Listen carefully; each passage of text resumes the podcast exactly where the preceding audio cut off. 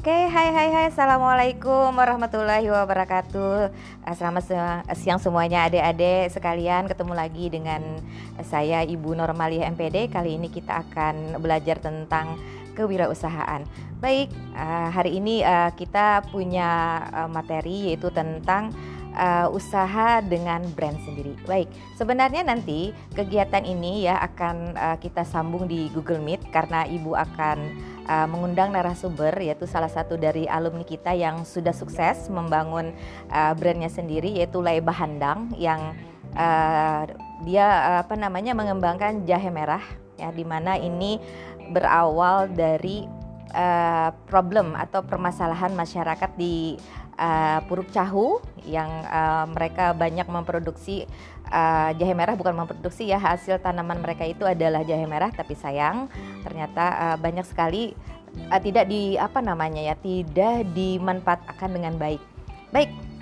Uh, adapun perkuliahan kita hari ini adalah uh, Ibu akan menyampaikan apa saja nanti yang akan disampaikan oleh narasumber kita nantinya.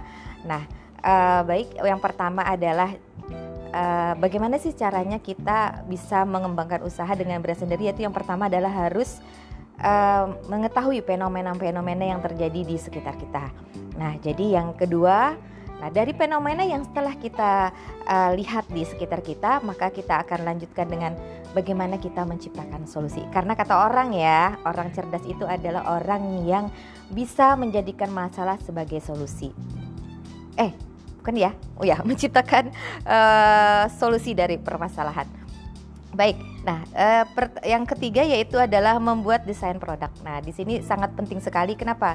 Karena desain produk dan brand itu sangat penting ya. Uh, jadi di sini nanti uh, narasumber juga akan menjelaskan bagaimana caranya kita mendesain produk yang menarik dan mempunyai yang, yang jelasnya adalah mempunyai ciri khas tersendiri dan kemudian lagi akan dilanjutkan bagaimana sih caranya mengurus perizinan? Iya dong, kalau buka usaha kan kita harus punya izin. Nah, izinnya itu apa aja sih? Nah, nanti juga akan uh, dijelaskan oleh narasumber nanti di Google Meet. Baik. Kemudian lagi setelah itu uh, tentunya ada langkah selanjutnya yaitu prajual. Prajual apaan sih ya?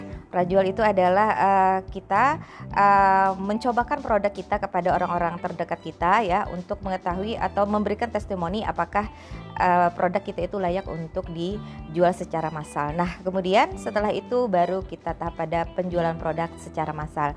Baik, uh, itulah uh, nanti materi yang akan kita bahas pada perkuliahan kali ini. Ibu ucapkan terima kasih.